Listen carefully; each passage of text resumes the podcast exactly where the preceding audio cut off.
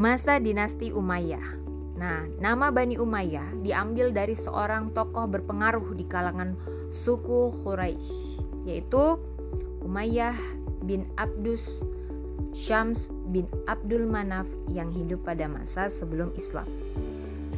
Dinasti Bani Umayyah didirikan oleh Muawiyah bin Abi Sufyan dengan pusat pemerintahannya di kota Damaskus dan berkuasa selama 91 tahun yaitu sekitar 41 sampai 132 Hijriah atau sekitar tahun 661 sampai 750 Masehi. Nah, pertumbuhan ilmu pengetahuan pada masa dinasti Umayyah adalah sebagai berikut. Nah, pertumbuhan ilmu agama semua ilmu pengetahuan dalam Islam, baik ilmu-ilmu keislaman maupun sains, bersumber dari pengkajian terhadap Al-Quran dan hadis. Karena itu, tafsir Al-Quran yang telah menjadi objek kajian generasi awal telah memulai mem, e, mengalami beberapa kematangan pada masa ini dengan lahirnya ilmu-ilmu Al-Quran atau ulumul Quran. Nah, di bidang hadis, pencatatan hadis yang sebelumnya bersifat pribadi pada masa ini secara resmi dikodifikasikan pada masa Khalifah Umar bin Abdul Aziz. Nah, jadi tokoh yang paling berpengaruh yang menjadi pelaksana kodifikasi hadis pada masa ini itu adalah Syihabuddin Az-Zuhri. Dari pengkajian terhadap ilmu-ilmu yang bersifat praktis yang dikandung dalam Al-Quran dan hadis, maka lahirlah ilmu fikih. Lalu dari pengkajian terhadap persoalan ketuhanan, kenabian, serta persoalan yang akan terjadi di hari kemudian yang dikandung di dalam Al-Quran dan hadis, maka lahirlah ilmu tauhid atau sering juga disebut dengan ilmu kalam. Lalu dari pengkajian terhadap persoalan-persoalan rohani, nilai-nilai perilaku yang dikandung di dalam Al-Quran dan hadis, maka lahirlah yang namanya ilmu akhlak ilmu tasawuf, dan zuhud. Lalu ada lagi dari pengkajian terhadap ayat-ayat Al-Quran dan hadis yang berhubungan dengan kekuasaan. Maka lahirlah ilmu politik Islam, siasah as-syari'iyah.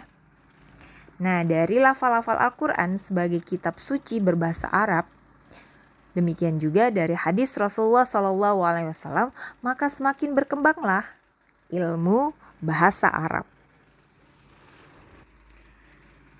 Nah, bagaimana dengan pertumbuhan bidang sains di masa dinasti Umayyah? Oke, hampir semua disiplin keilmuan sains telah dimulai dikembangkan oleh umat Islam pada masa ini. Nah, hal itu dilakukan sejalan dengan perhatian umat terhadap keilmuan agama.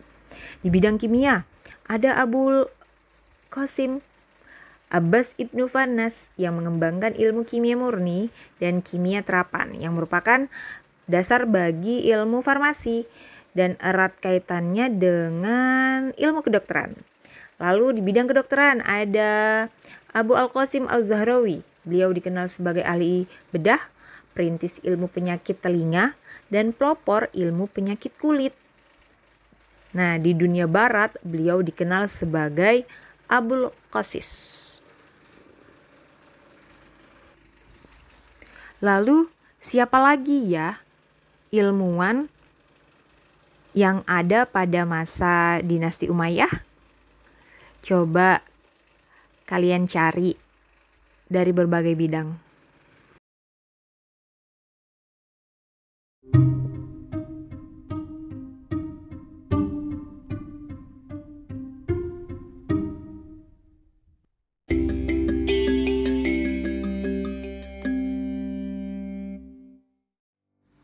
Bagian pembahasan lain dari bab ini adalah bagaimana kita meneladani para ilmuwan muslim.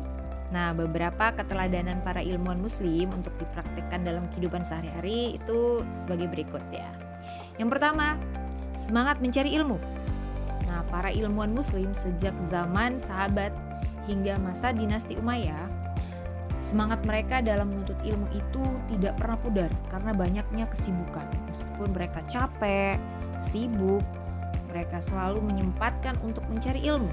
Nah, Umar bin Khattab misalnya e, mengisahkan saya bersama seorang tetangga dari Ansor tinggal di Bani Umayyah bin Zaid sebuah kampung di pinggir Madinah. Kami bergiliran menemui menemani Rasulullah Sallallahu Alaihi Wasallam. Dia sehari, saya sehari. Jika giliran saya yang menemani Rasul, saya menyampaikan kepadanya berita hari itu, baik wahyu ataupun hadis. Jika giliran dia, beliau melakukan seperti itu. Hadis riwayat Bukhari hmm, nomor satu dari 89.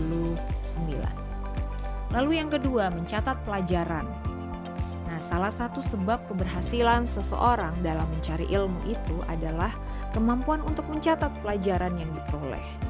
Nah, seorang tabi'in bernama Hamam bin Munahbi meriwayatkan gurunya yang bernama Abu Hurairah mengisahkan pelajaran penting. Hamam mengatakan, "Saya mendengar Abu Hurairah berkata, tidak ada seorang pun sahabat Rasulullah Shallallahu alaihi wasallam yang lebih banyak perbendaharaan hadisnya dari Rasulullah SAW dibanding saya, kecuali Abdullah bin Amr karena dia mencatat, saya tidak. Hadis riwayat Muslim satu dari 113. Lalu apalagi yang ketiga, keteladanan yang bisa kita contoh dari para ilmuwan muslim adalah ketekunan dalam belajar. Nah, menjadi ahli dalam satu bidang ilmu itu bukanlah perkara mudah, jadi nggak gampang sama sekali. Nah, apalagi untuk mengata, eh, apa, menguasai cabang ilmu dari beberapa cabang ilmu. Semua itu memerlukan kesungguhan dan keseriusan. Nah, para ilmuwan Muslim sebagai pendahulu kita itu adalah orang-orang yang sangat gigih dalam mempelajari ilmu. Kita sebagai seorang pelajar Muslim harus mewarisi kesungguhan dan ketekunan mereka. Nah, para sahabat, baik laki-laki maupun perempuan, memiliki ketentuan ini dalam belajar. Nah, sehingga Aisyah memuji ke perempuan-perempuan Ansor yang tidak pernah merasa malu untuk bersaing dengan para kaum pria atau sahabat para sahabat laki-laki dalam mempelajari ilmu agama. Aisyah mengatakan, Sebaik-baiknya perempuan adalah perempuan Ansar. Mereka tidak malu dalam menekuti uh, maaf, mereka tidak malu dalam menekuni ilmu agama. Hadis riwayat Muslim satu dari 332. Lalu keteladanan lain yang bisa kita contoh dari ilmuwan muslim adalah gemar membaca. Nah, membaca ini adalah jendela ilmu ya, jendela ilmu pengetahuan. Dengan banyak membaca, kita membuka akal untuk menyelami samudera ilmu yang luas, eh, memberikan makanan yang bergizi kepada otak kita, kemudian memperbanyak literasi. Nah, maka ilmuwan kita adalah orang-orang yang gemar membaca dan menghabiskan waktu mereka di perpustakaan. Nah, Al-Quran mengajarkan kepada kita, ikro, ikro, ikro. Bacalah, bacalah, bacalah. Nah, jadi kunjungi setidaknya perpustakaan, ya perpustakaan sekolah, perpustakaan daerah yang ada di dekat rumah. Nah, kemudian bacalah buku-buku yang ada di perpustakaan itu. Agar apa? Agar cakrawala keilmuan kita, pemikiran kita, pengetahuan kita, dan pemahaman kita menjadi lebih luas.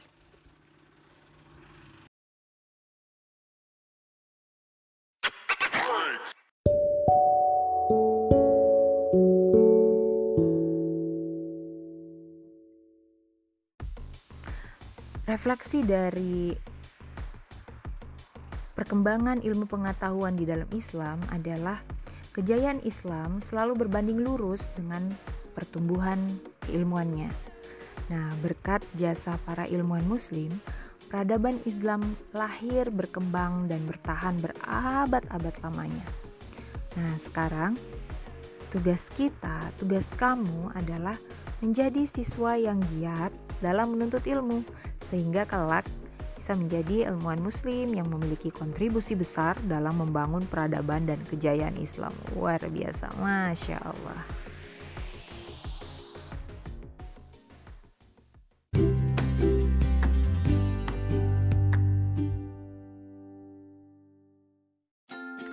Setelah mendengarkan penjelasan dari materi ini, silakan Antuna menjawab pertanyaan berikut ini. Yang pertama, jelaskan dengan singkat gambaran ilmu pengetahuan pada masa Rasulullah Sallallahu Alaihi Wasallam. Dua, apa arti Khulafaur Rasyidin? Sebutkan nama-nama mereka. Yang ketiga, tuliskan pusat-pusat ilmu pengetahuan pada masa Khulafaur Rasyidin dan sebutkan pelopornya. 4. Tuliskan ilmu-ilmu yang berkembang pada masa dinasti Umayyah. 5. Tuliskan tiga ilmuwan yang terkemuka pada masa dinasti Umayyah. Yang keenam, tuliskan ilmu-ilmu yang berkembang pada masa dinasti Abbasiyah. 7. Sebutkan tiga ilmuwan yang ada pada masa dinasti Abbasiyah. Dan kedelapan, tuliskan keteladanan ilmuwan muslim yang bisa kita praktekkan dalam kehidupan sehari-hari. Silakan dituliskan pada buku catatan dan bisa diposting pada link tugas.